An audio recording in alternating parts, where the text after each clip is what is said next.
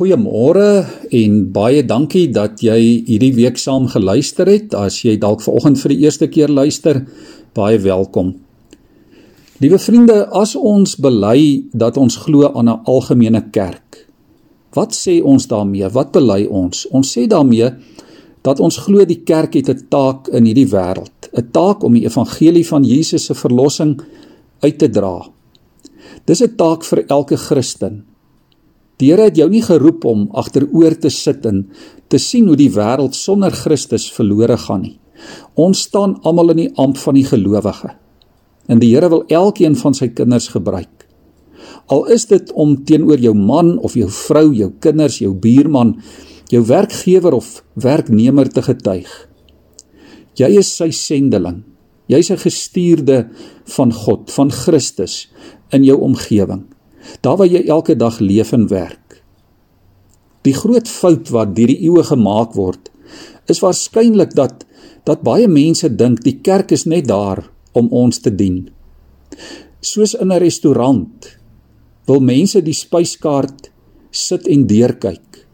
Hulle wil hulle bestellings plaas en en as dit nie aan hulle standaarde en behoeftes en vereistes voldoen nie, dan is hulle afsydig, hulle is krities, hulle gaan soek dalk 'n ander eetplek of hulle maak sommer hulle eie stytjies oop. Liewe vriende, dalk moet ons dit vir mekaar sê.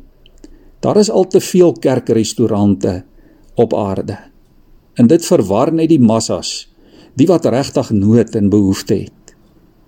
Die kerk as Jesus se liggaam op aarde bestaan nie ter wille van homself nie. Dit bestaan ter wille van die eer van God. Dit bestaan ter wille van die redding van mense. Dis wat dit beteken om aan 'n algemene kerk te glo en te behoort. Die lede is almal kelners wat God dien, wat die wêreld bedien met die woord. Dalk moet ons weer in hierdie baie uitdagende tyd waarin ons leef, by die Here hoor wat presies dit beteken. As geesvervulde gelowiges het jy en ek soveel gawes Ons het soveel vermoëns ontvang wat die Here wil aanwend om regtig 'n verskil in ons omgewing te maak. En dit sal goed wees om om weer ernstig by die voete van die Here te sit en te vra: Here, wat wil U hê moet ons doen? Vriende, hy wil ons elkeen verander van 'n ongeduldige gas na 'n bereidwillige kelner.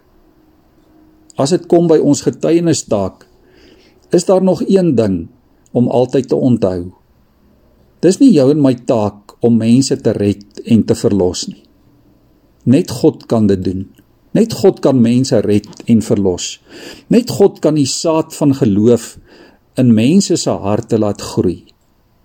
Dis wel jou en my taak, ons roeping om te getuig, om te vertel ook op konkrete maniere, nie net met ons woorde nie, maar ook met ons dade, dade van diens te bewys, te vertel dat God 'n God van verlossing en genade is.